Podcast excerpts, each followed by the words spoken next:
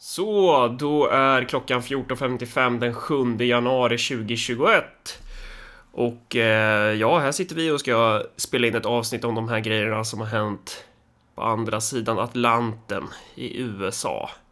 Ja, alltså, det är ju alltid kul när man skriver någon sån här eh, spa, framtidsspaning och vi snackar ju om i, i, i det här avsnittet, eller i förra avsnittet som vi gjorde på USA också om att nej, du vet, saker och ting kan hända. Typ, håll ögonen på situationen. Uh, och så sker det nästan direkt efteråt på ett sätt som um, egentligen är mycket mer dramatiskt än vad man hade trott. Det här är ju en del av en mycket, mycket större process som har pågått väldigt länge. Um, och jag tror att något som försvårar möjligheten att, att kunna förstå den processen är ju till exempel svensk mediebevakning och hur mm. ointresserad det svenska politiska etablissemanget är av att förstå den processen.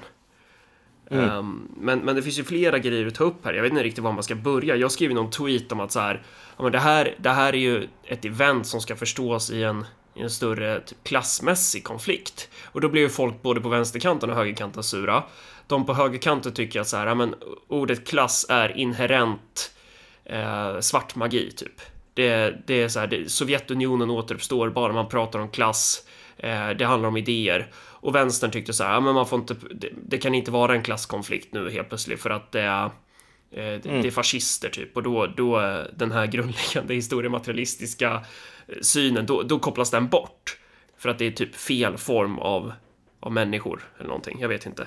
Ja, och, och det där är ju, jag menar, jag, jag har ju mer förståelse för folk på högerkanten därför att det finns ju också en aversion mot typ snack om klass. Därför att när vänstern gör det, då är det så att, du vet, det är arbetare mot uh, kapitalister och är inte det, då är det inte på riktigt, utan då är det falskt medvetande eller fascism. Och det är bara så här, nej, nej, det är inte så saker och ting funkar.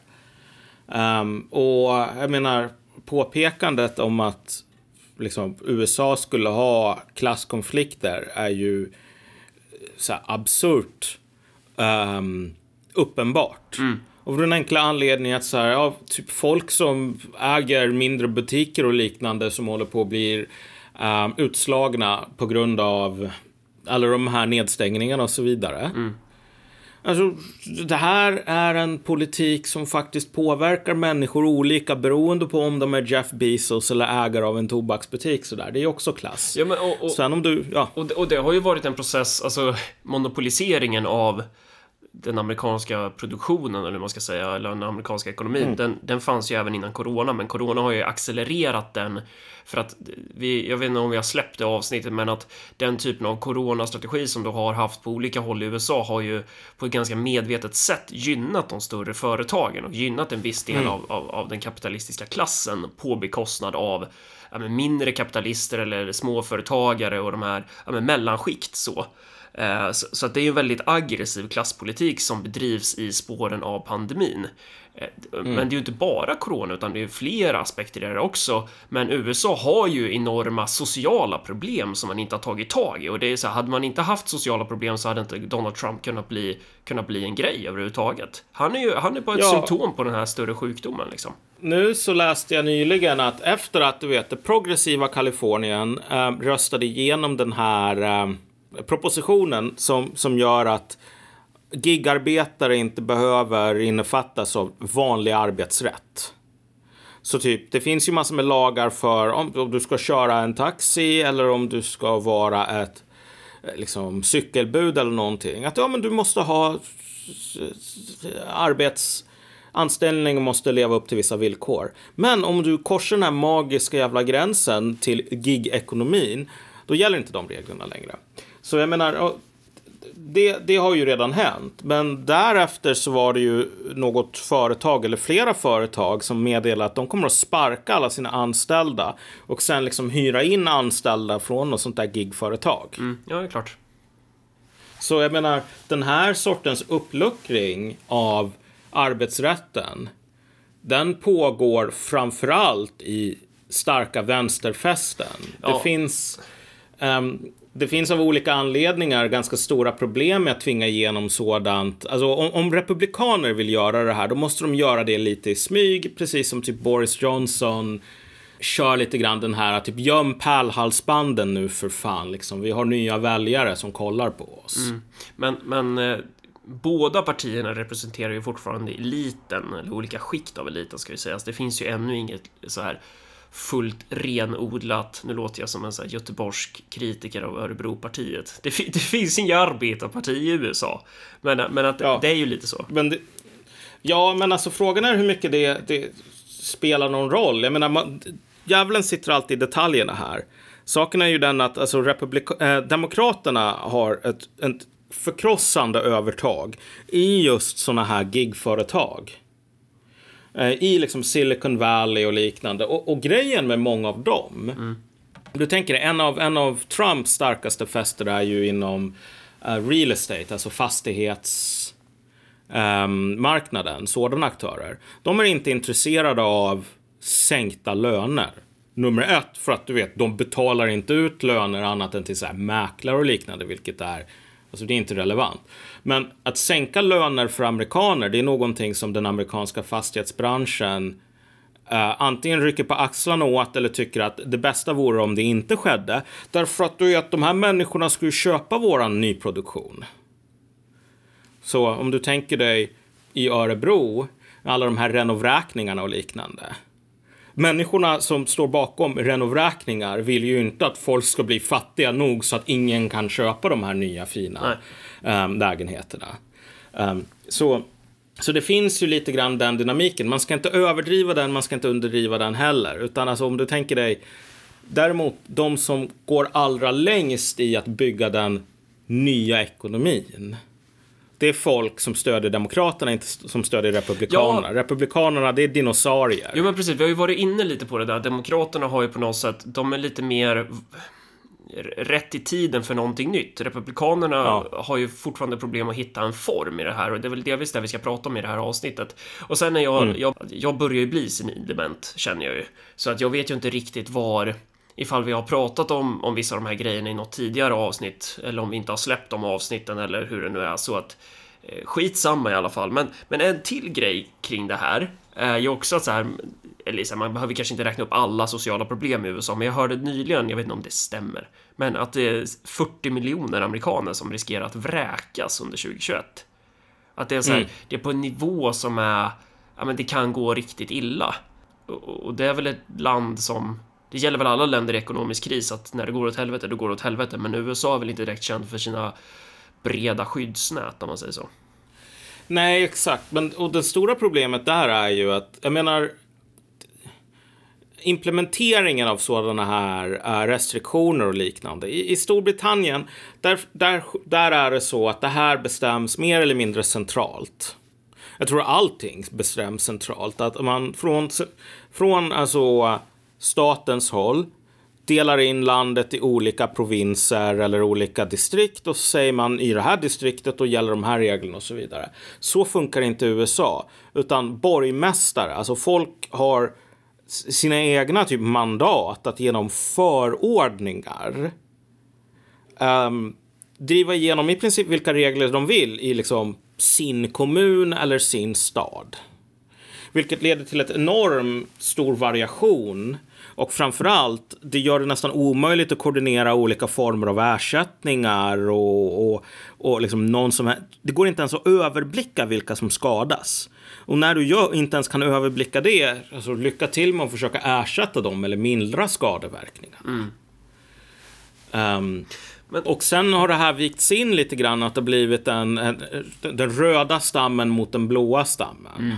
Det har vi ju pratat om tidigare, alltså hur, hur man har gått från att se sin motståndare som en legitim motpart i det här, alltså som, som man, man kanske vars existens man kanske till och med är beroende av för att det mm. politiska systemet överhuvudtaget ska fungera till att man har kommit in i någon ny form av relation där man betraktar motståndaren som en fiende. Vi pratar ju om detta i fiende, fiende, dubbelmakt bland annat. Så pass krya i huvudet att jag kommer ihåg det i alla fall. Eh, och eh, ja. det här är ju ganska centralt för att om man också tittar på reaktionerna som det här har fått.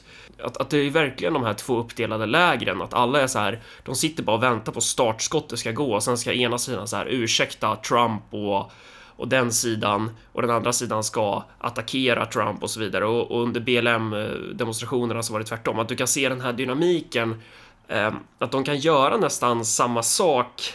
Det behöver inte nödvändigtvis vara handlingen i sig man kritiserar, utan det är liksom det viktiga här, det är, det är att attackera fienden.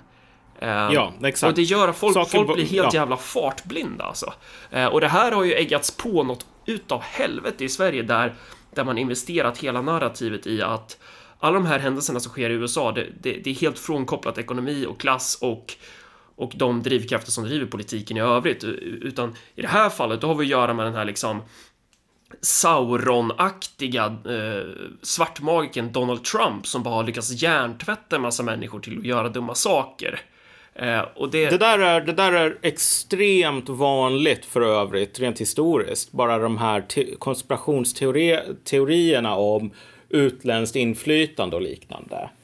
Eh, det, det är ett jättegott tecken. I alla fall skulle folk fatta det om de, de läste lite historia. Att när folk börjar säga, vet du vad, det här är fransk franska frimurare som har infiltrerat Italien.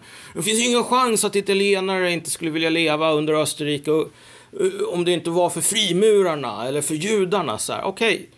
Så här gör varje jävla elit som är totalt dekadent och som inte vill hantera sina egna problem. Men nu skyller vi inte på frimurare längre utan på ryssar. Ja, men, du, men du har ju konspirationsteorier på båda sidor. Alltså, jag läste ju någonstans, jag hörde om någon att bara, äh, men de här som stormar, stormar Kapitolium, det är bara AFA. Det är så här, det, patrioter skulle inte göra så här, eller republikaner skulle inte göra så här. Och det där är också symptomatiskt för, för just den logiken att, att eh, man, vet, man vet vilket lag man håller på, så att säga. Ja, ja. Jo, men precis. Jo, det finns den aspekten att det är så här, mitt lag bra, deras lag dåligt och därför om, om en dålig sak sker, det är deras lag. Liksom. Det är bara, det är bara eh, kinesiska spioner i Trump-kepsar. Men det finns också en annan sak här, vilket är att du får den sortens teorier också när alla former, det, alltså det finns inte någon du kan lita på. Nej. Så alla, alla liksom institutionella kanaler och så vidare, de, man tapp, har inte längre förtroende för dem. Um, vilket sker på båda hållen. Så, så att återigen, extremt sådär vanligt förekommande grej i typ förrevolutionära eller liksom politiska uh, kaosperioder att just folk börjar tro på de mest galna teorierna, inte för att de har blivit galna, utan för att alltså, det är som att det finns någon sorts dimma som, som begränsar sikten till liksom två, en meter framför näsan och så kan du inte se längre. Eh, vilket gör det mycket svårare också för politiker och den härskande klassen att få någon sorts överblick över vad det är som pågår. Därför att i, en, ena sekunden så är det här fascister som typ stormar, eh, typ det här är Hitlers jävla ölhalskupp, allting är över. Och sen i andra sekunden så är det precis tvärtom. Du vet såna här, eh, eh, för att liksom besegra såna här radarsökande missiler så släpper man bara ut stora moln av foliepapper för att här, de här radarstrålarna ska studsa. Liksom, det är ungefär så. Att, att det, liksom, det blir bara det här molnet, det går inte riktigt att eh, och liksom röna ut vad det är som pågår, vem som har kontroll, allting sådant. Så det är, det är en grej som sker nu. Bara som ett exempel här. Och det här är liksom mer sofistikerade människor med blue checks på Twitter. Vem var det som kallade in nationalga- nationalgardet i USA? Eller i, eh, vad heter det nu, i, i Washington DC? Från liksom sådana här blue checks på liksom think tanks och liknande. Ja, men du vet, antingen så var det Trump, säger någon. För att du, du vet, Trump, han ville göra någon statskupp och sen så fegade han ur. Och sen så säger någon annan, ja det var Trump, men han ville inte göra en statskupp utan han trodde bara att det skulle vara en liten demonstration. Och sen så blev det mycket större och då kallar han in nationalgardet. Och så skyller han på andra för att han är för feg. Sen är det någon tredje som säger, nej vet du vad, det här är Michael Pence. För att nu har han huggit Trump i ryggen och då kallar han in nationalgardet. Och du vet, Mike Pence har avföljt Trump på Twitter nu. Liksom så här. Alla bitar faller på plats. Och jag menar, poängen här är att alltså, när du får det här stora molnet av liksom foliebitar i luften, det spelar inte någon större roll om det var Trump eller Pence eller någon annan. Det är själva kaoset som är det som du måste ha eh, som du måste ha med i dina beräkningar. Lite som Schrödingers katt. Liksom att den här radikala osäkerheten med liksom ingen vet vad det är som pågår och du har alternativa teorier som konstant florerar och dyker upp i realtid. Um, när väl det händer, alltså det här är ingenting som man löser med en faktacheck. Därför att de institutionerna som skulle vara kapabla till att hålla på med faktacheckar är, är en del av problemet. Mm. Um, så sådana här teorier, de existerar på alla nivåer och definitivt inom den politiska kla klassen. Och det är ju där de är riktigt farliga. Mer så att, att det är någon random från från grundskolan som bara säger ja vet du vad, jag tror att det var AFA. Och också så jävla, hur jävla snabbt det sprids i, mm. i respektive filterbubbla och sådär. Och, och hur jävla lätt det får bäring då. All, jag tror alla gör det där misstaget mer eller mindre någon gång. Och går på de här mm. Eh, grejerna som inte stämmer. För att man är... Man, man, man, kan typ inte lita... Som du sa, det är en dimma. Man ser inte hela bilden mm. typ. Um, men fan, vad, vad, finns det mer att ta upp här egentligen? Det, då har vi tagit reaktioner. Ja. Um, vi, vi, behöver ju bara förklara lite grann för den som har levt under en sten. Alltså grunderna i vad som hände. Um, vilket är så här att den, den sjätte, alltså igår, mm så är det ju den, den sista och egentligen den enda riktigt konstitutionellt avgörande delen i, i, i liksom korandet av en president. Det är den officiella liksom, sista datumet så. Och det som när det här är officiellt, att du har en ny president, det är inte när elektorerna lägger sina röster, utan när vicepresidenten, för det är hans jobb, räknar rösterna. Um, och du vet, liksom, det blir officiellt nedtecknat att, ja, ah, vet du vad, de här röstade på det sättet, det var så många röster för den här personen som nu är president. Okej, okay, då är det liksom point of no return. Och eftersom det här var Michael Pences jobb mm. så var det ju många i, i, som, som hoppades, drömde eller var totalt bombsäkra på att så här, Pence som republikan och du vet lojal till Trump och allt det där mm. skulle göra någonting som han har möjlighet att göra, vilket är att säga att det finns problem med de här rösterna. Um, och därför så måste vi liksom ta till de här andra metoderna för att avgöra vem som blir president. Sorry, jag kan inte säga att jag har fått äh, legitima röster från, från delegaterna. Så. Mm. Och Pence, surprise fucking surprise, gjorde inte de här sakerna. Utan han sa, vet du vad, Biden är president nu. Och då får du ju den här protesten, som var ju planerad innan så, men då blir ju den på riktigt. Där folk ska liksom gå till kongressen. Um, och om du kollar på vissa videos så äh, ser det liksom, då verkar det vara så här, ja det är typ 20 eller max 100 pers och det är så här fem poliser. Poliserna bara släpper in dem. Men alltså det finns andra videos som verkligen tar vidvinkel så ser du hur, hur stort människohavet är och hur oordnade former som det är när liksom pöben börjar strömma in i kongressen. Mm. När de väl är där inne, och här måste man poängtera att det här är någonting som aldrig har skett i USA förut. Du har, du har aldrig haft människor som så att säga tvingar sig in i kongressen, liksom någon, någon pöbel som tvingar sig in.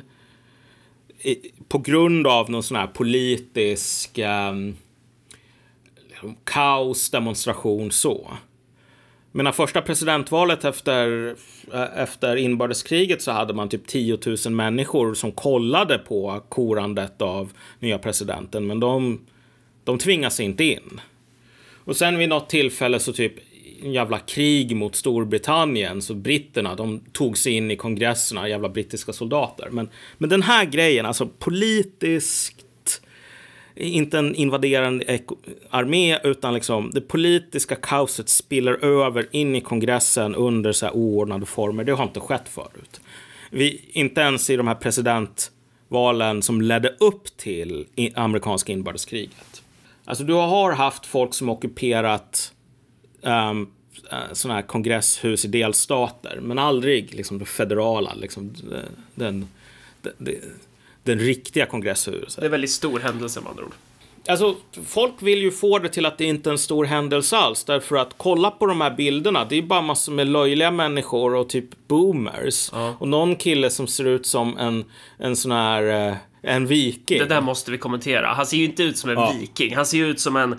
Det är det här jag hade lite diskussion på Twitter om det här.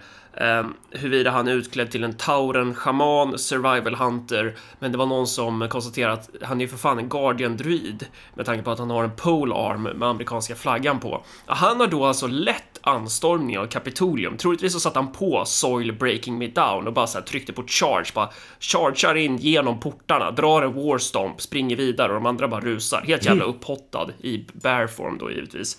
Eh, och Det där är ju intressant. Varför är han utklädd till en taurendruid med typ en kvart i fem transmog som han har gjort som ursäkt för att inte sova? Ehm, um, var, varför ser den inte bara normal ut? Du hade ju en take på det där som jag tyckte var lite spännande. Det här som vi var inne på innan, det här är en sån här historisk händelse som inte riktigt har hänt innan. Och det finns en enorm kvalitativ skillnad på typ oroligheterna när Trump blev vald eller när Obama blev vald, vilket var typ ingenting i jämförelse. Och det här. Så en gräns har korsats. Men folk kollar på denna tauren och säger det här är inte en seriös revolutionär händelse, för jag är en socialist och jag vet att de seriösa revolutionära händelserna, de sker bara när, när du vet, vänstern tycker att det är okej. Okay, liksom. Och du vet, taurendruider, Marx sa ingenting om taurens, därför inte på riktigt. Det här är att fundamentalt missförstå alltså hur politiska, alltså vi, vi måste liksom gå till A-kursnivå. Så här. Det är som, hur sker en revolution? En revolution sker aldrig på grund av att människor på botten blir arga nog. Så här. De tar, sina, de tar sina jävla hackor och högafflar och bara nu jävlar, nu ska vi besegra armén.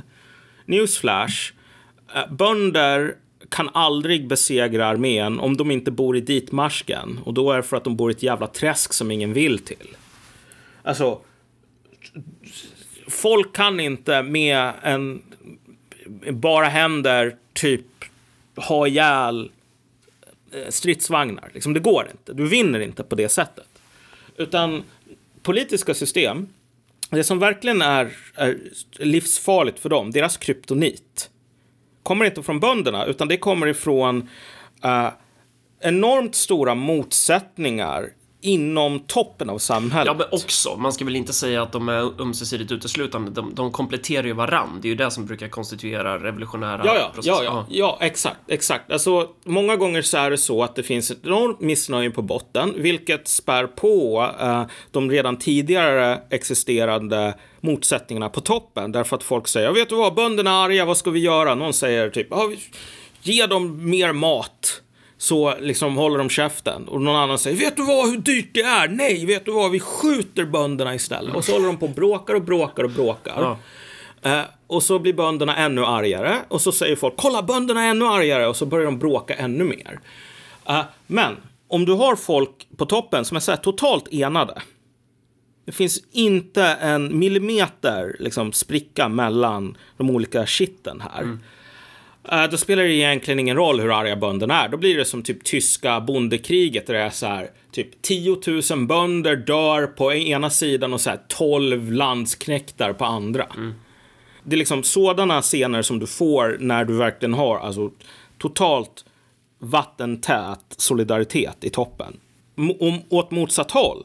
Om du inte har en enda jävla bonde som har några klagomål alls tycker att allting är skitbra, vet du vad? Jag älskar England anno 1645. Men folk på toppen är 100% bakom idén om att vi behöver ett inbördeskrig. Okej, okay, då får du ett. Där bönderna eh, eh, äh, lejs in för att dö, slåss för parlamentet eller för kungen. Så, så att normalt sett det behövs missnöje, eller ska säga, normalt sett så finns det missnöje på botten och splittring på toppen. Men en av de här sakerna är mycket mer kritisk än den andra. Och är liksom mer åsnan på ett plan än kärran. Och hur relaterar det till ja. vår eh, main tank här? Han, man, kan, man kan väl säga att han har tryckt på tomt? Ja, ja, exakt. Därför att så här, folk kollar på den här den här plebejen och säger, vet du vad? Han har inte läst en jävla sekund Marx i sitt liv.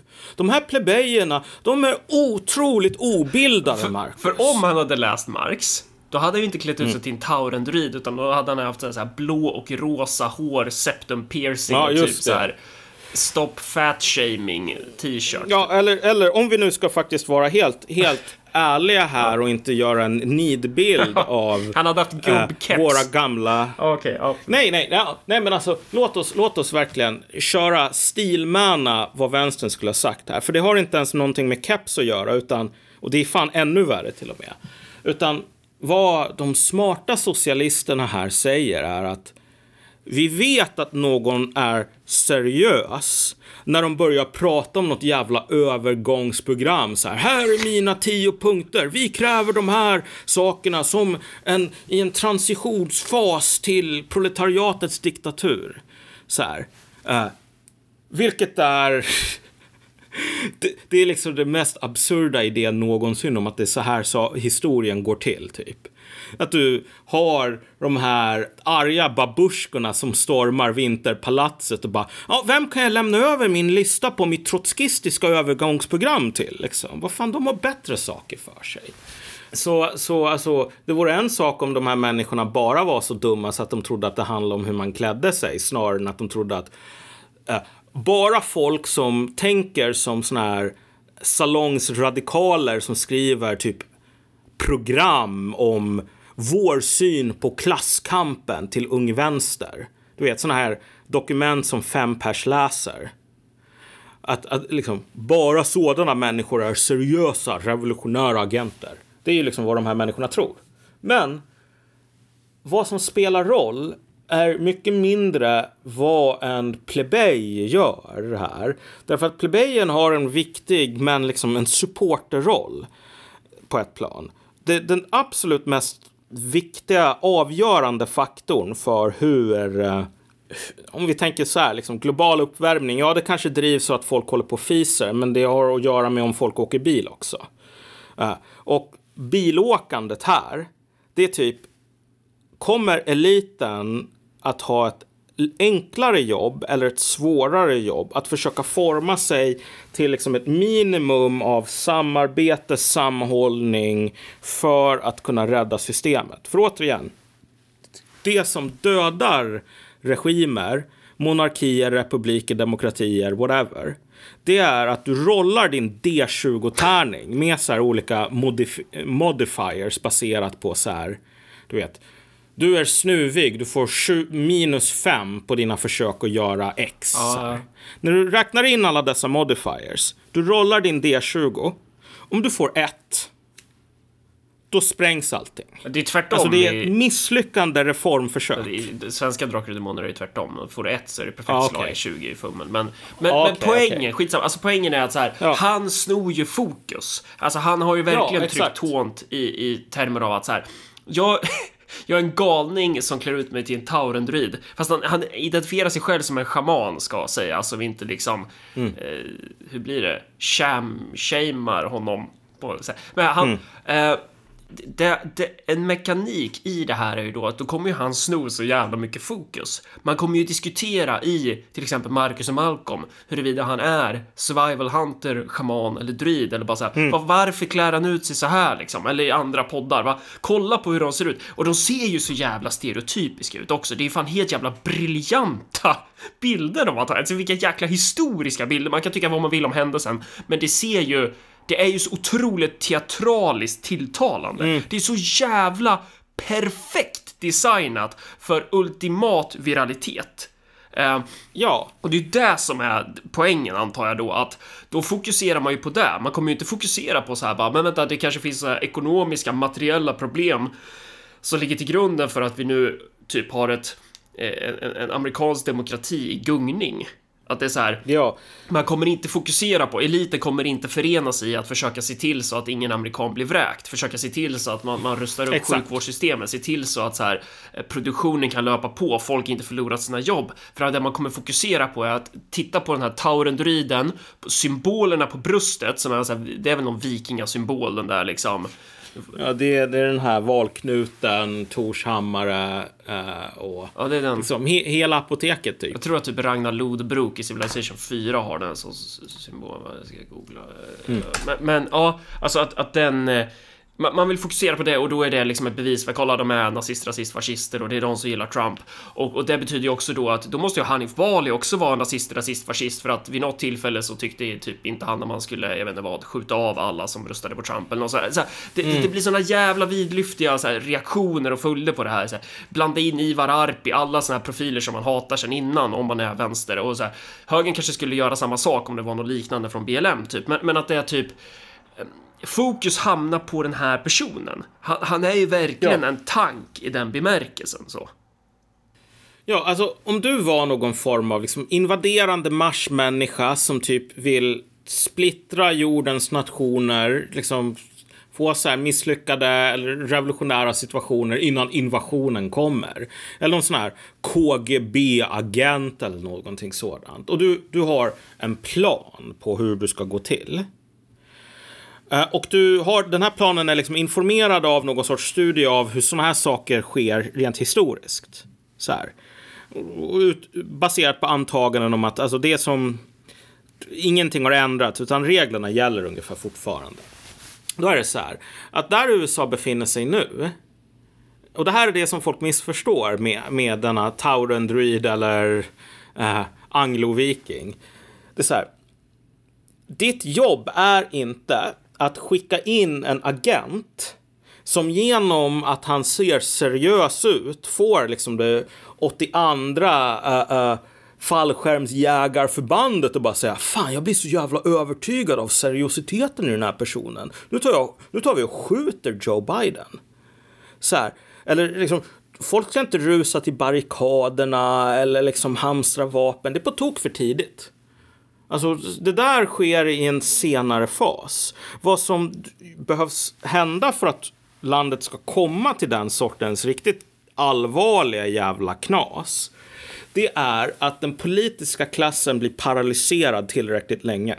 Det finns fan ingen, ingen bättre lämpad person för att få folk att glömma hur på riktigt det som sker är.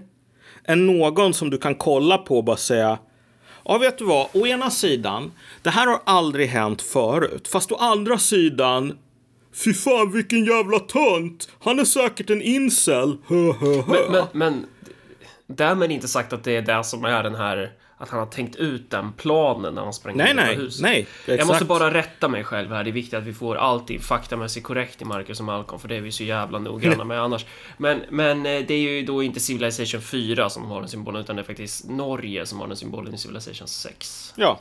Ja. Precis, och den finns på massor med runstenar och liknande ute i, i Bergslagen. Så. Gör det. Alltså, en vanlig symbol. Vet vi det? Valknuten är ju skitvanlig. Du skrev, ja, du skrev fake news på Twitter för när du skulle försöka göra referens till Sweden, till, Sweden, till Sverige. Eh, och du skulle förklara att de här som har Confederate flag. Varför pratar jag svänger? De som har den, vad, vad heter det? Sydstatsflaggan. Och så tog du, tog du upp ett exempel med Värmland och så sa du att att, att Värmland inte är efterblivet. Och då, som Närking kände jag då att vad håller du på med? Det sa jag inte alls. Jag sa att det inte fanns så här stora jävla Ja, bomullsbaroner det bra. och liknande. Annars blir det drev. Och så sa jag att folk i Värmland lever inte i, i, i, i det förgångna. De, de, de är inte fast i historien till skillnad från jävla idiotsocialister. Ja, fast, fast, ja. Vilket, ja. Ja. Jag menar, okej, man vi behöver inte tala för varmt om värmlänningar, men alltså vi kan inte jämföra dem med vänstern. Det är att gå för långt.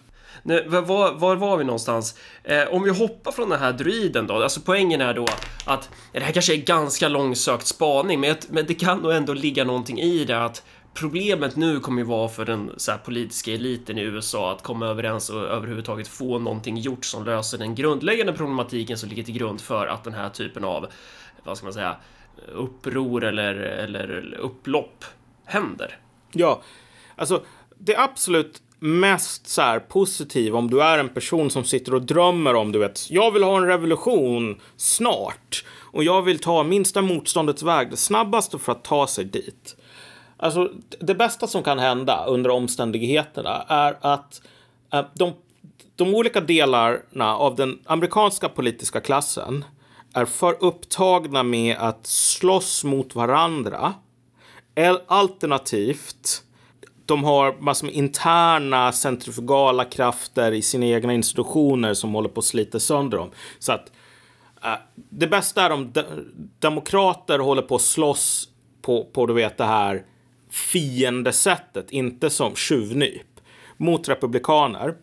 Och du kan gärna kombinera det, om du riktigt, eh, har riktigt tur, med typ republikaner som är för upptagna med att försöka ösa ur vatten ur sin egen jävla läckande båt ja. för att kunna göra någonting annat. För det där kan man ju verkligen uppehålla sig vid, att, att så här, eh, det är ju lite trälig stämning i Republikanerna nu. Du, du har ju ja, ja, alltså... jävligt många väljare som har... Som, alltså Donald Trump är ju inte direkt hatad av de, av de republikanska väljarna. Det är kanske inte så att alla älskar honom, men väldigt många republikanska väljare menar ju på att det här valet gick ju inte rätt till. Alltså, och då spelar det ingen roll om valet gick rätt till eller inte när du har fått den typen av, av narrativ i huvudet på folk. Eh, de, de, här, mm. de här snöbollarna, de är i rullning. Eh, och du och jag har ju pratat, jag vet inte om vi, om, om vi har pratat om det i något avsnitt som vi har släppt, men så här, möjligheten för republikanerna att splittras. För att då är det någonstans som man ska prata om så här, potentialen för en amerikansk mer genuin populistisk rörelse eller mer genuin populistisk aktör att kliva fram så är det väl i ruinerna av det republikanska partiet. Just eftersom demokraterna har en mycket mer fast klassbas. De har liksom eh, som du var inne på, det, ja, men de här progressiva mellanskikten, det är ju mm. inte bara det såklart, men att de, de, har inte liksom, Republikanerna har inte riktigt hittat sin form på samma sätt. Eh, och, och det som nu kommer ske, det vet jag ju inte, men, men det som skulle eventuellt kunna ske är ju att de kommer behöva slåss sinsemellan. Så ska, man, ska man följa Trump eller, eller kommer Trump dra sig ur och det dyker upp någon ny aktör? Alltså det är ju i republikanska, det är ju röda stater som det finns en potential för någonting nytt att växa fram i sådana fall. Ja, Alltså, den, den, den, kritiska frågan man måste ställa sig idag, det är som om du har ett jävla bondeuppror i, i, i Saxen eller någonting på så här 1600-talet. Det är så här, okej, okay, givet att det finns massor med territoriella eh, konflikter mellan olika furstar inom det tysk-romerska riket. Och mellan så här furstar och typ biskopar och mellan den här biskopen och den här andra. Kan folk lägga locket på det här, inte till 100% men till typ 85% nog för att alla ska kunna en, forma en jävla sköldmur mot de här arga bönderna? Mm. Det är den absolut mest kritiska frågan. För om svaret på det är ja, då är bönderna körda. Då, då blir det ingenting mer. Om svaret är nej, då har du problem. Men om svaret är uh, inte bara nej, utan så här, det faktum att du har massor med arga bönder håller på och äggar på de här olika biskoparna och mördar varandra det är någonting som gör dem mer benägna att, att slåss sinsemellan och mindre benägna att fokusera på folket, pöbeln med högafflar. Då jävlar har du enorma problem. Vilket var dynamiken, by the way, i franska revolutionen.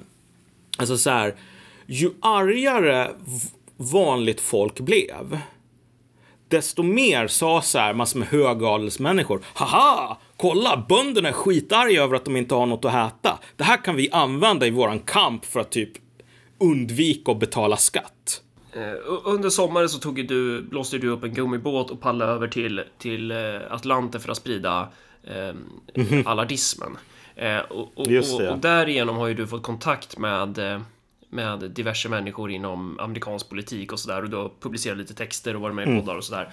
Och det som jag tycker är så fascinerande är att de är väldigt intresserade, eller så här, personer inom amerikanska högern börjar ju intressera sig för typ marxistisk analys, eller i alla fall typ materialistisk analys på ett sätt som man kanske inte är lika mån om att göra här, för det kan du ju se till och med bara på de här Twitter-reaktionerna så här att, att du har fortfarande den här stämningen i Sverige att så här, ja men det där kan inte vi ta inte för det är inte, det är inte våran grej, vi, vi, vi använder inte ordet klass. Typ så här, det där är en för materialistisk analys. Vi, vi är av, av hävd som konservativa är vi idealister, typ. Den där typen mm. av, av um, kalla kriget-logik håller ju kanske på att sakta men säkert försvinna i en, i, i en högre takt i USA i vissa segment av, av så här republikanska partiet än, än vad du ser i, i svenska högern. Ja, jo, exakt. Därför att alltså jänkarna fattar allt mer hur jävla allvarlig situationen är. Det var så himla enkelt, återigen. Det var enkelt, precis som det var enkelt att bara säga, ja vet du vad, den här vikingen, han är så jävla löjlig så det är inget farligt. Alltså det var ju vad högern sa om massor med så här arga blåhår typ. De här människorna, de har så konstiga idéer och näsringar så vi kan inte ta det de gör på allvar. Uh, ungefär som, ja vet du vad, uh, japanerna de har så konstiga hus. Så chansen att de skulle kunna bygga ett stridsplan som kan sänka ett, ett brittiskt fartyg, det är noll. De har för sneda ögon för att kunna bli äh, piloter. Ja, hur fan gick det med den grejen sen liksom? Så att alltså den här sortens nidbilder, de är jävligt vanliga och sen så försvinner de när du väl får en riktigt allvarlig kris. Vilket återigen, det är ganska tydligt att alltså, det här som sker i USA nu, nu är Biden eh, bekräftad som president och liksom Trump har, kommer inte hålla på och slåss mot det här. Det, det farligaste han kan göra, vilket det finns en sån här 50-50 chans, det är att han inte alltså, ger sig officiellt. Säg att han fortsätter att säga, vet du vad, de stal valet, men så här, snälla håll inte på att bränna ner eh, kongressen. Så. Um, eller så kan han säga, vet du vad, eh, jag ändrade mig, de stal inte alls valet. Men, men det är det riktigt ja, farliga. Ja, det är väl ännu värre, för att då, då släpper han ju verkligen lös den här... Eh, folk, eller ja, det uppdämda raseriet. Och det är väl det man också ska komma ihåg i såna här processer, att så här, många personer, kanske framförallt på högerkanten, som, som eller ja, det finns ju på båda sidorna, men, men många personer tycks ju tro att den här typen av processer är någon jävla buss. Du kan, du kan gå på mm. den här bussen, det här folkliga missnöjet och så kan du driva en podcast eller göra något, liksom profitera på den här situationen och sen så när du tröttnar på det, då bara trycker du på knappen och så kliver du av. Men så fort du går in i den här skiten så märker du att du är inte på en buss. Du surfar på en jävla våg. Och där kan du inte kliva av. Exakt. Så, så att alla de här, vad ska man säga, turisterna som upptäcker att hoppsan, vi frammanar, du skrev det på Twitter, vi frammanar de gamla gudarna här. De har ju öppnat Pandoras skrin någonstans och det är det som gör det då nästan ännu mer farligt då när Trump eventuellt skulle säga Vet ni vad, jag ger upp. Jag, jag skiter i det här, jag loggar ut, jag har mina pengar, jag behöver mm. inte bry mig. Uh, men, för, men grejen är, han skulle ju redan kunna gjort det. Han har ju ändå varit mycket mer uh, ihållande i den här processen och, och det är väl, det är väl inte fel att säga att han har varit delaktig i att så här de här, alltså att, att processen har, har hamnat där den har hamnat. Ja, ja, jo, men precis. Jag menar, men det här är lite grann som Alltså någon sån här parasit som typ behöver flera olika liksom livsstadier så. Du vet, en alien, den behöver eh, vara liksom uh, vad ska man säga? Den behöver liksom vila i, i, i bröstkorgen på någon ett tag. Ja innan den kan liksom bryta sig ut och du vet börja ställa till med hyss på eget bevåg. Tjuvplinga uh, och palla äpplen. Och... Ja, men exakt. Ja. Så som aliens brukar göra. Ja. Um, och, och, och, det är lite samma sak med, med den här sortens dynamik. att um, Om du följer... Uh, alltså det finns jättemånga exempel på det här. Men, men alltså den, den, den förkrossande mest populära figuren i uh, ryska revolutionen 1905 mm. är ju en person som alltså uh, anställd av ryska hemliga polisen. En ortodox präst som heter Gapon. Och han är typ den enda som faktiskt så här, medans, alla olika mensjeviker och bolsjeviker säger så här. Vet du vad, arbetarna de vill ha bättre villkor, men det är fan inte revolutionärt. De måste fatta att deras jobb är inte att slåss för bättre villkor. Deras jobb är att slåss för den här eh, första borgerliga revolutionen så vi kan ha en socialistisk revolution sen. Jag fattar inte varför de klagar på att de är hungriga. Så här, totalt irrelevanta, därför att det var inga arbetare som var intresserade av att höra att alltså, din hunger det är bara bra för det gör dig mer benägen att se liksom, du vet, vara revolutionär. Det är bättre om din dotter svälter ihjäl, för då är du mer motiverad. Ah, Gapon är den enda som säger, vet du vad, kanske ska inte din dotter svälta ihjäl.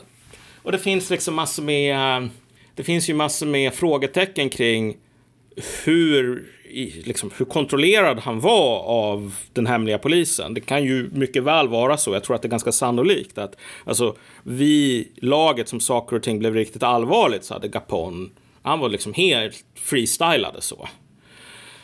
Uh, men sen så blir det massor med knas den här blodiga söndagen där de ska marschera till Vinterpalatset och lämna över en lista på typ klagomål så här. Hjälp, vi har ingen mat. Uh, hyrorna är för höga. Snälla Saren, gör någonting åt det. Vi är era lojala undersåtar. Och så blir de skjutna av snuten på vägen dit så att liksom en 60 pers dör. Efter det, Gapon slutar spela någon roll. Alltså, från att ha varit den här personen som totalt dominerar det här så att alla liksom bolsjeviker försöker säga vet du vad Gapon, han är, han är bara en reformist, liksom lyssna på oss. Och så blir de typ slagna med påkar. Till att alltså figuren, ledaren, är totalt utbytbar. Vem som helst som säger liksom framåt, nu jävlar. Uh, och den, när den personen slutar säga framåt, nu jävlar, då hittar man en ny. Mm. Alltså, jag tror att folk har en väldigt farlig laserfokus på Trump just nu. Att han skulle vara någon evil mastermind eller någonting. Han var den här personen som började rida på typ en tiger. Och så höll den här tigern på att äta människor medan han sa liksom Oh yes, very nice, we love the tiger, don't we? Liksom. Mm. Um, men nu, den här tigern, den har inte bara ätit upp man som en barn utan den är jävligt arg. Liksom. Mm. Den har blivit irriterad på någonting den har sett på TV. Och då, och då skulle ju kanske många säga så ja ah, det var ju precis det jag sa, han är livsfarlig Trump. Det är därför vi måste tänka på att de här farliga populisterna, när de kommer till makten, då blir det exakt så här. Och det är ju kanske den mentaliteten som har lett fram till att tigern är arg från början. Ja, ja, och sen också så här att jag menar, om Trump bara försvann, uh, vilket fader liksom Gapon faktiskt gör, han bara försvinner, eller närmare bestämt, han är tvungen att dra till Finland uh, i all hast på grund av att om man stannar kvar i Ryssland uh, då kommer han ju bli haffad och kanske dödad. Så liksom bye bye, uh, du är inte längre en del av revolutionen. Sen försöker han komma tillbaks. Så blir han mördad efter en vecka typ för att folk kommit på att han har betald av Ukrainan så. Och då är det ingen som bryr sig. Så, här, så att han, alltså Trump, han är nog väldigt mycket den fader Gapon här den här personen som i en fas hade en sån här enormt jävla dominerande, det är så här, du är med Trump eller så är du liksom inte en del av båten så. Men um, när en sån figur väl försvinner, Alltså, du kan inte sticka in några jävla nålar i en voodoo-docka på Trump och få den här tigen att känna någon smärta. Det går inte. Och det är mycket värre på ett plan. Alltså, om de försöker gå, om man nu ska försöka, vilket jag tror att det finns en risk här, just på grund av att den, den politiska klassen i USA blir, för varje sån här ny protest, så blir den mer fokuserad på att uh, slåss mot andra politiska eliter snarare än att göra liksom, minimum som krävs för att hålla bönderna liksom, borta. Um, så de kan definitivt bryta mot ett av de heligaste omärtan som finns inom politiken, vilket är att man inte sätter dit sina föregångare. Liksom man, man gör inte så. Uh, nummer ett, på grund av att typ alla människor som typ har varit president går att spärra in för olika jävla lagerbrott och lögner och så vidare. Men, men liksom, det här är, det här, det här har att göra med den städade uh, övergången av makt från en människa inom en institution till en annan. Mm. Men, men så han, att, alltså det finns vissa grejer du måste göra då. Han, det är ju så jävla tacksamt att skylla allt på Trump som person också. Um, eller på dem runt honom, för att det är ju att undfly sitt egna ansvar någonstans för den här situationen. Det är ju inte bara, det är inte bara Trump, alltså båda partierna, båda sidor i den här politiska konflikten bär ju ett ansvar för att man har hamnat där man har hamnat. Ja, uh. alltså vill man lösa det här. Uh. Det enda som man behöver säga det är bara så här, oh, vet du vad Trump, uh, okej, okay. så här, tack så mycket för de här fyra åren. Uh, hej då. Nu är inte du på min radar längre. Uh, och när du väl har liksom tackat av den här personen uh, på det sättet som tar absolut minst antal sekunder i anspråk, därför att Trump är inte viktig. Uh, det du behöver göra då, det är att lappa ihop Alltså, USA har en legitimitetskris sådär. Det, det har sprungit hål i skrovet sådär och det, tar, det läcker in vatten. Okej, du måste plugga ihop det här. Och den här krisen, alltså läckan som, som måste åtgärdas, består av, av två olika saker. Nummer ett, det är ett problem med den politiska legitimiteten. Det här är någonting som du måste gå, du måste typ göra vad fan det nu än som krävs för att se till så att dina fiender, om du nu är typ till vänster eller röstar på Demokraterna. Om vi, om vi antar att personen vi talar till är demokrat. Okej, okay, det du behöver göra det är att se till så att dina fiender, det vill säga republikanerna, är... Vadå? Vad avbröts? Inspelning? Exakt där du... Där eller? Ja, tekniska problem som vanligt. Det är fan ingen jävla...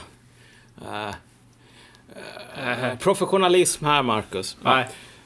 Hur som helst, så här, om du är demokrat idag, ja. vad, du vad du behöver göra för att typ ta dig ur den här uh, liksom, laga läckan. Mm. Det är att du måste se till så att dina fiender i det här tvåpartisystemet, det vill säga republikanerna, har nog med legitimitet i republikanska väljares ögon för att de inte ska liksom gå under. Mm. Och försök säga det till någon av de här politikerna som nu håller på och ylar om, nej vet du vad, de här eh, republikanerna i kongressen, vi måste fan ställa dem inför riksrätt för att de var i samma parti som Trump. Jag tror inte de kommer att säga, ja, fast efter vi har ställt dem inför riksrätt, då måste vi se till så att det amerikanska folket förstår att de här människorna, de är fan helt reko. Mm. Jag tror inte det kommer att ske, utan den här viljan att så att säga bräcka eh, eh, Republikanerna, vilket är ett otroligt svagt parti just nu. Mm. I termer av, om vi bara kollar på det nationella planet så, alltså, situationen ser inte bra ut. Men viljan att säga så här, vet du vad? Deras misslyckande är bara, det är liksom den enas bröd är den andras död här. Uh, ju svagare de blir, desto starkare blir vi. Jag bara, nej, fast det är inte riktigt så det funkar i ett tvåpartisystem som är en federal stat som är stor som en kontinent. Därför att eller Demokraterna har inte den infrastrukturen som krävs eller den liksom, respekten, legitimiteten i ögonen på massor med människor i, ute på landet i Kentucky. Mm. Så det blir ganska svårt att hålla ihop ett land då, om man säger så. Eller ja, ja. att hålla ihop ett land som USA. Ja, exakt. Men samtidigt alltså, så här, eh, ja. är det så, för det är väl ganska logiskt att, att man inte kommer landa i den slutsatsen man ska försöka reparera den här legitimitetskrisen för den andra. Um, ja, ja. För, för att, det är ju att, naturligt. Det, det, jag har väl skrivit om det också, men så här, polarisering överlag är väl det är ju förståeligt att det ser ut som det gör. Det är ju, det är ju ingenting som bara växer fram för att du tänker fram det, typ. Utan det är ju också ett resultat av materiella motsättningar. Um, och då måste ju de här politikerna, de har ju inte så mycket val alla gånger. Det är klart de har val, men någonstans så finns det ju en, en drivande trend i det här. Som gör att det kanske blir svårt för, å andra sidan då, i en röd stat um, försöka bygga förtroende hos den här då väljargruppen som anser att valet gick absolut inte rätt till. Vi har blivit helt ja. svikna. Och tänk dig då att de skulle liksom spärra in Trump eller att de... För det kommer ju bli en motreaktion på det här såklart. Eh, typ, du, du, kanske blir... Eh, alltså de kommer ju uppleva det i sin vardag, eller de kan ju komma att göra det. Jag vet inte om det blir så här, men eh, eh, tycker du si eller så så blir du censurerad från de här sociala medierna, du får problem med det här eller vad det nu är liksom. Ehm, ja, alltså... Det, att, kolla. Ja. Det, det, i, I Georgia Georgia. De hade ett sånt här, Georgia, de hade ett sånt här senatsval som blev ett sånt där extra insatt val på grund av tekniska skäl typ. Um, och det, vem som de kontrollerade den amerikanska senaten hängde på vilka som vann där. Um, och nu förlor, torskade republikanerna på det här. Och det, det, var en av de drivande faktorerna i varför jag tror att uh, stora delar av det republikanska etablissemanget valde att ställa sig bakom det här narrativet om valfusk till ganska stor del. Sen visade det sig i efterhand att alltså, det var ju, alla av, av dem var ju totalt cyniska. De tänkte att vi säger så här ända tills liksom ja, du vet, folk har lurats till valurnorna och sen så bara dumpar vi Trump. Och det kommer inte att ha några negativa effekter alls. Liksom, hur, hur fan skulle det gå till? För de tänkte att de åkte en buss. Ja, inte att de exakt. De bara, ja, nu är vi klar. Så här, Tack Tiger för att du har tagit oss fram till dit vi ville komma. Nu behövs inte du längre. Så här. Eh, eh, och nej, jag har ingen mat åt dig. Så här, jag skiter i om du är hungrig, bara gå hem. Eh, men problemet är att i det här senatsvalet så det finns ju olika valdistrikt. Vissa valdistrikt, väldigt många ehm, röda röster, väldigt många som röstar på Republikanerna. Framförallt valdistrikt ute på vischan. Andra, jättemånga demokrater. Det som skedde i det här jävla senatsvalet var ju ungefär en, en repris på valnatten. Vilket är att vissa valdistrikt, specifikt bara de valdistrikten, eh, Eh, inte alla, utan ett, ett, ett fåtal valdistrikt där det är typ en 80 procent eh, demokratiska väljare, bara sa av, utan att uppge skäl att "Ah, vi har slutat räkna röster nu och vi kommer att fortsätta att räkna röster någon gång imorgon, typ. Och jag menar så här, en tänkbar förklaring till varför något sådant sker är att om du har ett val där du har olika valdistrikt som rapporterar in. Om du ska liksom, du vet, injicera massor med extra röster här. Då behöver du vänta tills du vet hur många du behöver.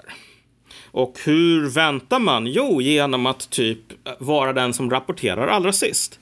Det här är bara en, en, en potentiell förklaring för det här. Men poängen är att alltså, det kan vara så att jag vet inte vad, det kom några aliens eller typ, det var en födelsedagsfest som alla var, rösträknare blev inbjudna på. Det där spelar ingen roll alls. Verkligheten spelar ingen roll. Utan du kan inte tillåta den sortens saker i ett, i, i, i ett valsystem. Oavsett om aliens kom för att bjuda folk på tårta. Alltså det är bara, vet du vad aliens, ni får vänta. Vi räknar röster nu, vi kan inte bara avbryta. Därför att konsekvensen av det blir att folk kommer med massor med galna teorier som inte involverar aliens och födelsedagstårtor. Ja. Och så här, ingen tar den skiten på allvar. De bara, äh, vadå? Vadå, menar du att det är valfusk? Ja, vad är dina bevis? Alltså så här, eh, det är lite som en deckarnovell när du läser om någon som bara planerar att fejka ett mord. Men inte på grund av att så här, du vet, när, när folk tror att de är döda. Då kommer de att flytta till Bahamas med massor med miljoner de har gömt undan. Utan så här, jag ska fejka att jag har mördat en person så att de sätter mig in i den elektriska stolen. Du vet, det är en jävligt dum grej att göra därför att om det sådana här saker sker Ja. och det inte sker något fusk. Alltså vad fan sker de för då? Det finns ingen fördel alls. Så det är ju ett jävla slöseri med en perfekt jävla tillfälle att hålla på och fuska. Eh, alla negativa konsekvenser och inga positiva konsekvenser. Så vad, vad som skulle behövas från båda hållen, det är bara att okej, vet du vad? Det som skedde i presidentvalet, det här var inte bra. Så från och med nu, inga mer bara avbrott som inte förklaras. Absolut inte. Fortsätt räkna röster och som om, om Nordkorea invaderar USA, ni ska fortsätta räkna rösterna. Liksom, det här är för viktigt. Men det är folk bara, äh, vad fan, liksom, vem bryr sig? Vad ska folk säga? Samt, samt den här andra processen som ledde upp till valet och båda sidor typ i princip förberedde sig på Ja. att det skulle gå åt helvete. Ehm, men det jag var inne på i relation till det här, det är ju att, att frågan är ju hur, hur, hur stora möjligheter har respektive politiker att behandla sin motståndare som motståndare snarare än fiende. För att när du väl har, har satt dig på den här jävla tigen och börjat åka, då kommer det ju bli incitament för att för att fortsätta ha en jävligt hård ton eller en hård approach mot dina politiska fiender då. Att, att det är ju... Men vi får väl se vad, vad som händer. Så är det ju. Men det finns också en, det finns en, en sak som vi inte har pratat om än som är egentligen kanske en av de viktigaste sakerna man måste förstå med liksom, stormandet av kongressen eller andra liknande grejer är att det, det, här är en, det här är en fråga om odds i slutändan. Alla sådana här stora revolutionära stora händelser, så typ stormandet av Bastiljen. Mm. Folk kollar på en Tauren-viking och så bara säger de, åh vet du vad, det här är inte en person som skulle kunna storma Bastiljen, därför att det är en person som klär ut sig som en Tauren-viking. Han är fan inte en seriös revolutionär. Uh, det här bygger på ett fundamentalt missförstånd om vad stormandet om Bastiljen handlade om. Hela anledningen till att Bastiljen blev en sån här helig, liksom en stor, en stor event mm. var bara ett dum, en olycka, ett dumt missförstånd. Det här, den här fästningen hade använts som fängelse. Det fanns typ nästan inga fängslade kvar. Liksom sex pers eller någonting på hela fängelset. Så de använde det för att eh, förvara massor med krut. Och sen Eftersom stämningen var ganska upphetsad i Paris av någon anledning under den tiden så tänkte folk vet du vad, krut är alltid bra att ha hemma om någonting händer liksom. Så vi går till Bastiljen och så hämtar vi ut det här jävla krutet. Det är ju inte som om de här uh, få fångarna och de här pensionerade eller liksom handikappade soldaterna som har det här som här, sitt Samhall-jobb. Uh, Jo, men alltså på allvar. Du vet, det här var... Och, och, och, jobba på Bastiljen var någonting som du... Du fick det jobbet om du var en veteran som var för skadad eller liksom invalid på något sätt för att ja. du skulle kunna liksom tjänstgöra. Så det var ett sätt, okej, okay, du kan inte vara i armén längre, men vi vill inte göra dig till en lodis. Så här, du får vara på Bastiljen. Ja, ja. Um, så liksom, det var inte människor i, i särskilt gott skick som liksom mannade den befästningen. Uh, så, så vi går dit, vi hämtar det här krutet, för du vet, om det kommer oväntat besök, då behöver man en massa jävla krut och kanoner. Och så säger den här personen som är liksom befälhavare för den här fästningen att Ja, alltså jag hör att ni vill hämta mitt krut och mina kanoner, men eh, jag kan ju inte lämna ut dem om eh, inte kungen ger mig order. Så sorry, det blir inget krut för er. Och så säger alla bara, ah, gud vad tråkigt. Och så bara håller de på och står och gör ingenting ungefär. Utanför den här fästningen, utan någon jävla plan alls. Sen är det några människor som har, får en jättesmart idé. Bara, vad händer om vi klättrar över muren och öppnar brygg, den här bryggan? Så. Mm. Uh, och så gör de det. Och så den här folkhopen utanför, de kollar. Vad vet du vad, den här befälhavaren som var så tråkig och sa att vi inte fick krutet, han bara ändrade sig. Så nu får vi gå in och hämta krutet. Varför annars skulle han öppna bryggan för? Mm. Uh, och sen så stormar folk in. Och så ser de här uh, Samhallssoldaterna på muren bara oj shit, de kommer in för att döda oss liksom. En blodtörstig pöbel. Och så avfyrar de ju massor med skott för att få folk att sticka därifrån. Folk börjar dö. Och så börjar alla tro att det här var ju ett, ett eh, riktigt lurigt bakhåll. Den här befälhavaren bjöd in oss för att bara massakrera oss på borggården. Det var mm. hans plan från början. Mm. Och sen så liksom tappar folk kontrollen över det där. Om typ de här människorna inte hade klättrat över eller om de här eh, soldaterna hade haft lite liksom, inte hade trott att folk bara rusade in för att mörda dem. Mm. Utan bara, äh, vet du vad? Det kanske var några idioter som öppnade dörren. Så liksom, de kanske inte är här för att döda oss, de kanske är här för att de tror att de får hämta krutet. Mm. Ingen skulle ens ha veta vad Bastiljen var för någonting idag. För där har du också den här dimman då. Du kan bara se två ja. meter framför dig. Du vet inte vad de där soldaterna tänker. Du har en, du har en idé om att det är nog så här. Det är nog, alltså sett till den erfarenheten jag upplevt av Frankrike de senaste 10-11 åren mm. eh, så, så liksom associerar jag, jag tänker att ja, men, det är nog rimligt att soldaterna kommer skjuta mig. Eller, eller om du är soldat, mm. liksom, sett till den här erfarenheten jag har haft. Så här, jag märker ju hur tonläget har trappats upp i salongen och allting. Eh, det är nog rimligt att de kommer slå ihjäl mig nu när de stormar in här. Um, och så blir den här typen av missförstånd den typen av missförstånd blir så logiska för att, för att det hade varit mindre logiskt om de typ hade kommunicerat och bara tja, vad, vad är det som gäller?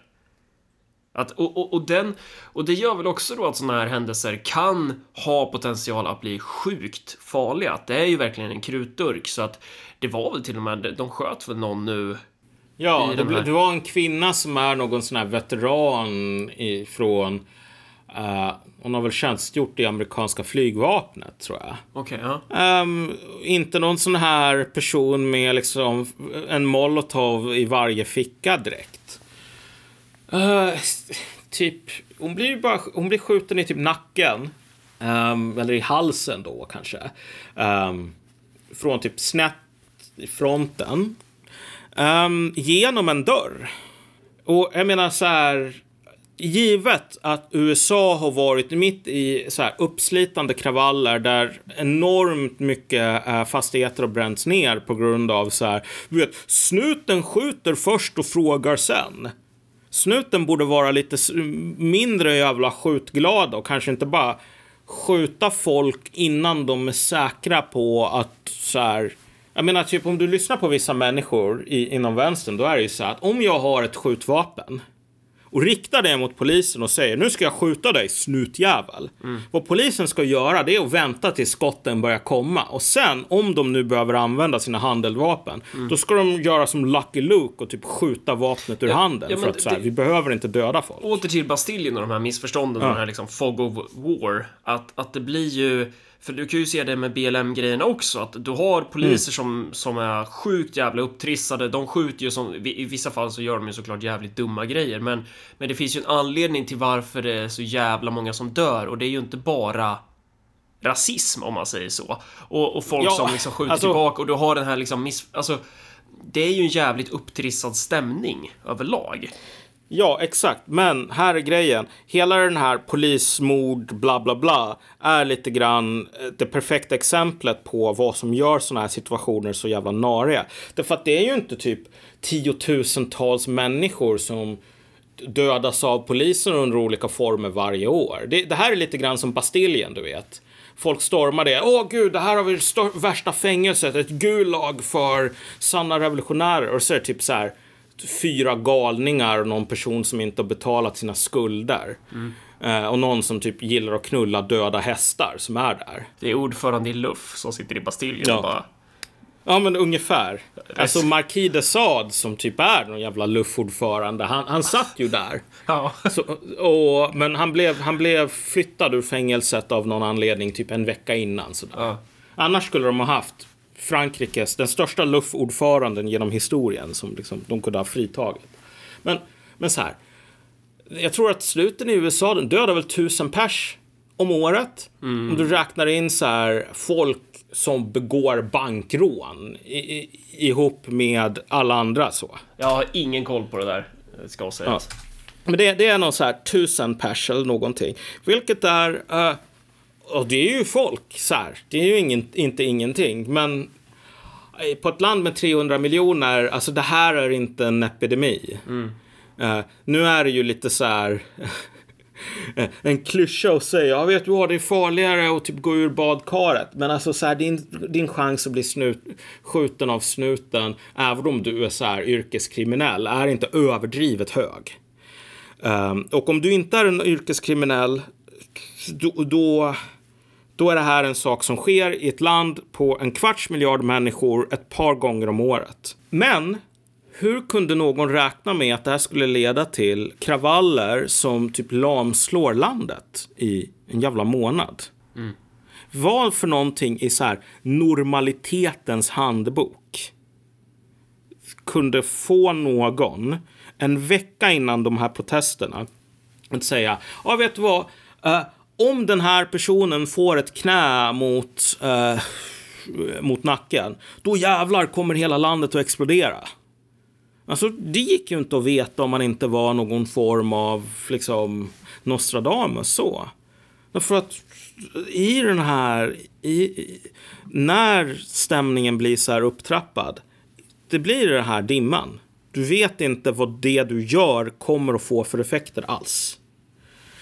Och stormandet av kongressen med denna liksom Tauren-viking.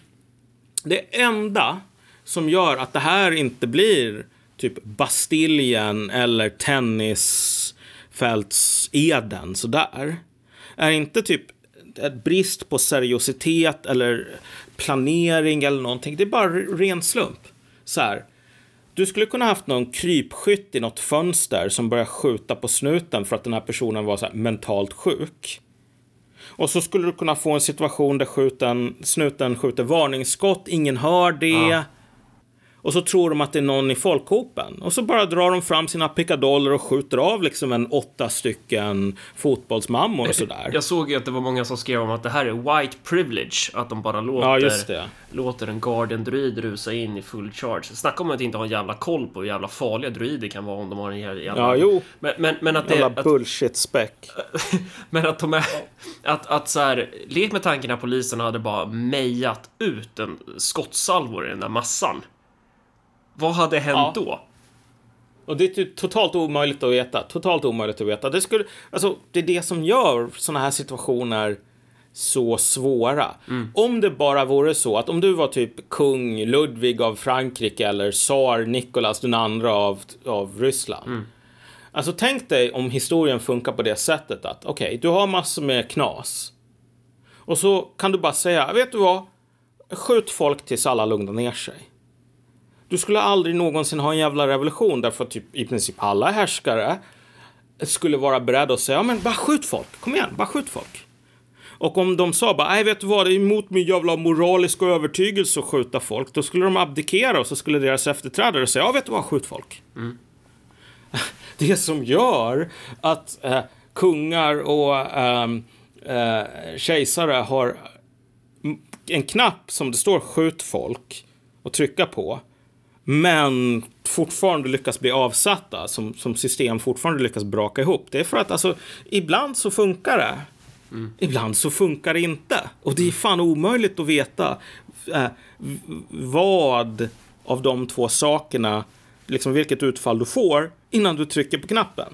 Det är det som är en väldigt så viktig lärdom som de tjatar om, bolsjevikerna, hur jävla slumpmässig deras revolution är. För att de har ju, mm. de har ju en blueprint någonstans här. Ja, men vi tror på ett ungefär att vi skulle kunna genomföra en revolution så här. Men det är ju så jävla mycket slump. Alltså det är så här, när du väl går, drar igång den här processen, alltså helvete! Du märker ju att bara, nej, det är inte alls bara att, att, att leda min rollperson här i Drakar och Demoner, utan jag måste slå så sjukt många tärningsslag och det är så sjukt mycket på random och det är extra fummel och så vidare. Så att det blir, det blir ju svåröverblickbart. Och det är väl ja. också det som gör det så svårt att bedöma, är det en revolutionär situation eller inte?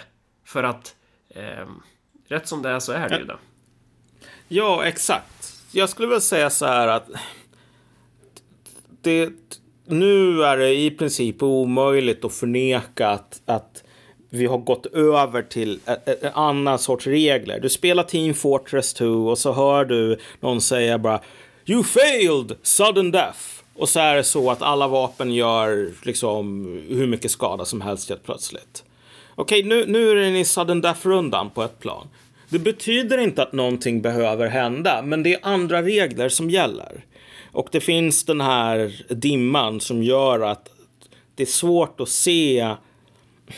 Jag menar, jag önskar ju att jag kunde säga så här, ja vet du vad, typ Malcolm förutspådde det här. Men om du hade frågat mig, liksom, vad, vad fan är chansen att du får ett jävla stormande av kongressen? På grund av det här. Jag skulle ha sagt att, nej vet du vad, du kommer att få en demonstration någonstans i Washington. Det kommer att vara lite människor som är riktigt sura och så kommer någon att bråka med typ någon AFA-snubbe. That's it liksom. Det är max du kan förvänta dig.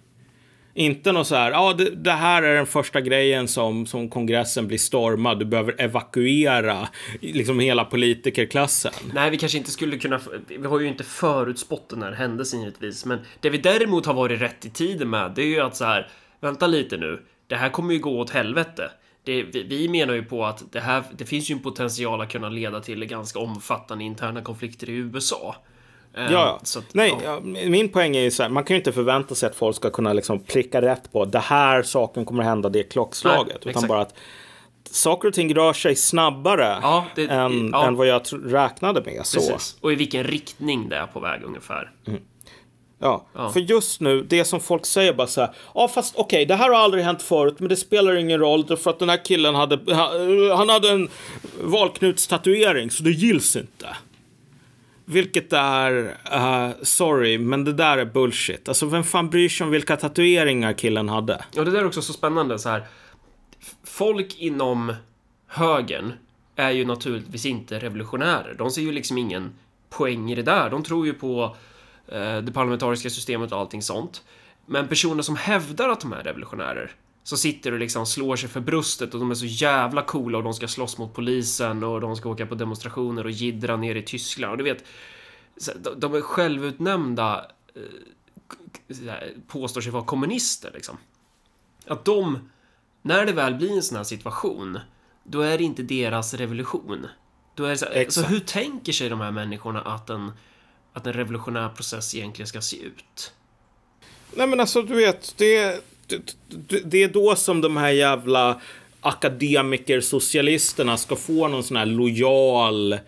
Alltså det är ju riktigt incel-tänk på ett sätt. Så här. Att om jag bara sitter hemma och spelar World of Warcraft då kommer någon trädfru äntligen att förbarma sig över mig för att jag har shitpostat på Twitter och bara Vet du vad, du är den enda riktiga mannen för att du läser Evol eller någonting. Det är inte så världen funkar. Det är inte så politiken funkar. Uh, men, men återigen, alltså det finns ju den här besattheten vet, ända tills den riktiga vänstern som är de enda som är kvalificerade att tala för arbetarklassen kommer tillbaka så kommer du inte ha politik. Uh, Okej, men varför kan vi inte bara säga att ända tills uh, Roms jävla plebejer uh, återvänder till Gracchusbrödernas famn så kommer vi inte ha politik på riktigt. Allting efter Gracchusbröderna, det är bara, det är bara en, uh, ett jävla intermezzo. Tills den riktiga politiken mellan plebejerna och optimaterna. Bara, nej, vet du vad? Historien rör sig åt ett håll. Du kan inte bada i samma flod flera gånger Nej. poäng, punkten vi kan avsluta på är väl bara så här att folk ska ha lite så realistiska för, förhoppningar eller förväntningar eller farhågor om vad som komma skall. Därför att sådana här saker går väldigt långsamt och snabbt samtidigt. Det som är farligt i USA nu, det är just det här att man vet inte när knaset kan dyka upp, även om det försvinner ett tag. Du kommer nog antagligen att få jättemånga protester och, och de behöver inte nödvändigtvis handla om Trump. De kommer att handla om den akuta ekonomiska smärta som folk har. Och sen kommer det vara lite så här Ja, Q-miljonärer. men det, där, det där kommer ju kanaliseras åt alla möjliga Ja. jävla håll alltså. Men, men det som jag tycker är, spännande att, att tänka, det är ju lite hur man kommer reagera i Sverige på det här. Ja. För att det är väl bara en tidsfråga innan typ Nerikes Allehanda går ut med att egentligen vill Marcus Allard klä ut sig till Tauren och storma rådhuset. Så, svaret är Ja, nej. nej. Jag, jag skulle klä ut mig till en orangehårig dvärg istället. Mycket mer rimligt. Nej, alltså jag tror att vad, vad vi vill göra, du och jag idag, är väl framförallt att bara liksom kommentera någorlunda nyktert om vad fan den här Tauren-snubben betyder. Ja. Och det är på ett sätt mycket mer än vad folk tror och på ett sätt mycket mindre. Det här är liksom inte nazismen som kommer tillbaks. Men de flesta politiska tykonomerna i Sverige eh, och väldigt många etablerade politiker, alltså tunga politiker, använder ju det här eventet för att fördumma diskussionerna ytterligare. Man är ju inte intresserad av att förstå den här dynamiken och det tyder ju på att vi har ju också ett den här rötan i det svenska politiska systemet har ju också gått jävligt djupt när man så här bara gå in på min Twitter och bara kolla på vad folk svarar på inläggen så här, när man skriver typ ja, så här, det, här, det här är en del av en större konflikt som handlar om ekonomi och klass i grunden. Alltså, de här människorna från, de, från vänster, de klarar inte av det. De, de bara kräks ut skit. De kan ju inte ta en diskussion, de är så jävla svaga i... i alltså, och det enda de är intresserade av det är att bara så här, dreva och veva mot samma gamla hatobjekt. De är inte intresserade av politik egentligen. Men problemet med den där attityden som du stöter på och som är jättevanlig just nu hos så här, libs över hela västvärlden. Det är så här. Om du nu säger att du, den här Tauren-druiden, jag har kollat på hans tatueringar, han är nazist. Eh, uh, 40% av USA är nazister, för det är väl liksom något åt det hållet som jag tror faktiskt när de blev tillfrågade om, om det här var dåligt så att nej, det tycker jag inte. Um, om du bara säger så här, ja, vet du vad? Det här är genskräp. Nazister, fascister, vi måste skjuta av dem. Innan vi kommer in på någon sån här moraliska, äh, så här, vet du vad, det är fel att döda massor med människor bara för deras åsikter. Så här. Du, du, Okej, liksom, låt oss tala med Nietzsche här och lägga slavmoralen åt sidan. Så här, vet du vad det innebär att säga något sådant? Vet du vad fan vad det innebär att säga jag behöver frånta politiska rättigheter från en ganska stor del av min befolkning som är geografiskt koncentrerad till vissa områden och som äger massor med vapen. Mm. Alltså så här, det här är ingenting som bara, ah, vet du vad, det kommer att vara över på en vecka. Vi bara skjuter av lite så här äh, ensamma mammor och lite randoms. Och sen så kommer de här att lägga sig ner. Nej, vet men, du vad? Men det ska ju sägas, det här att, är... det ska ju sägas att alla de här personerna har ju inte sagt att de vill typ skjuta ihjäl deplorables eller så här, förbjuda populister. Men vissa av dem tänker ju givetvis i de tankegångarna och vissa av dem ja. kanske inte gör det, men det de kommer föreslå är ju åtgärder som kommer leda till en ja. Eh, förvärrad, om man ska använda det här uttrycket, polarisering då, så kommer bara göra men, problemen ännu värre.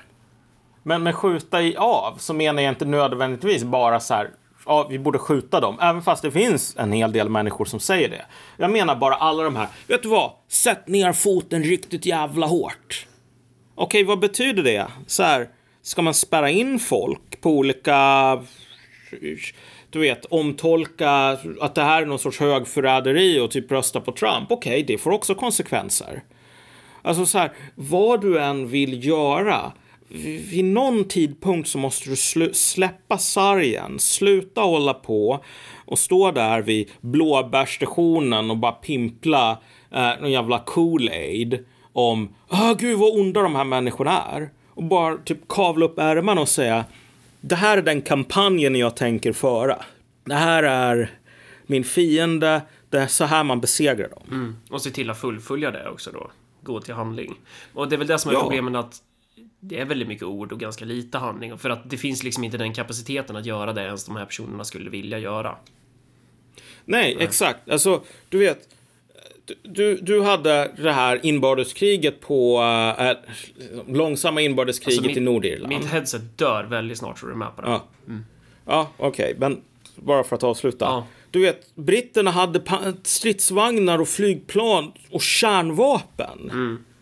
Det är så här, tror du att du kommer att bidra med någonting om du bara, ah, vet du vad, använd era tanks, bara skjut av irländarna så här. Alltså det, de här grejerna när de väl börjar, de har sin egen logik och de är mycket farligare än vad mycket knepigare än vad, vad, vad en massa kulturskribenter verkar ha fått för sig. Mm. Ja. Och med de orden så ska vi, så vad ska vi säga nu? Ja, nu ska vi be om Swish. Eh, om, man, om man tycker det är... Eh, eh om man tycker det är... jag är så dålig på att, att be om pengar. Eh, om man gillar Marcus och Malcolm kan man swisha till 0790 10 72 23 eller så kan man bli en, en Patreon. Då går man in på patreon.com och så skriver man in Marcus och Malcolm där så, så kan man donera en slant varje gång vi släpper ett avsnitt. Men det finns ingen som helst anledning att göra det för vi kommer släppa avsnitt i alla fall. Uh, ja. Mm. Ja, ha det bra. Ja, hej.